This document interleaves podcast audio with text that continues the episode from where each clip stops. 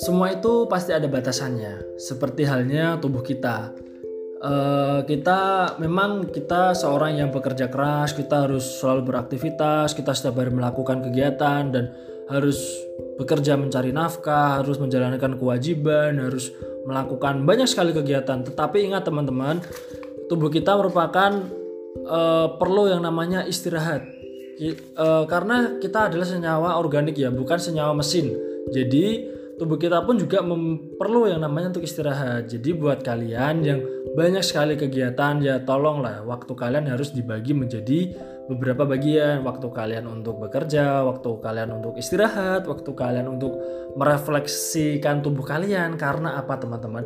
Orang yang tidak memiliki kapasitas tidur yang cukup bisa mengakibatkan banyak sekali gejala. Salah satunya adalah kurang fokus dalam kegiatan, memiliki kantung mata yang menghitam, merasa selalu capek dan dia tidak bisa tenang dalam menjalankan suatu kegiatan. Maka dari itu, tidur diperlukan untuk menjaga metabolisme tubuh kalian untuk tetap stabil ya teman-teman. Kalian hanya perlu tidur sekitar 8 jam kok satu hari. Itu maksimal ya.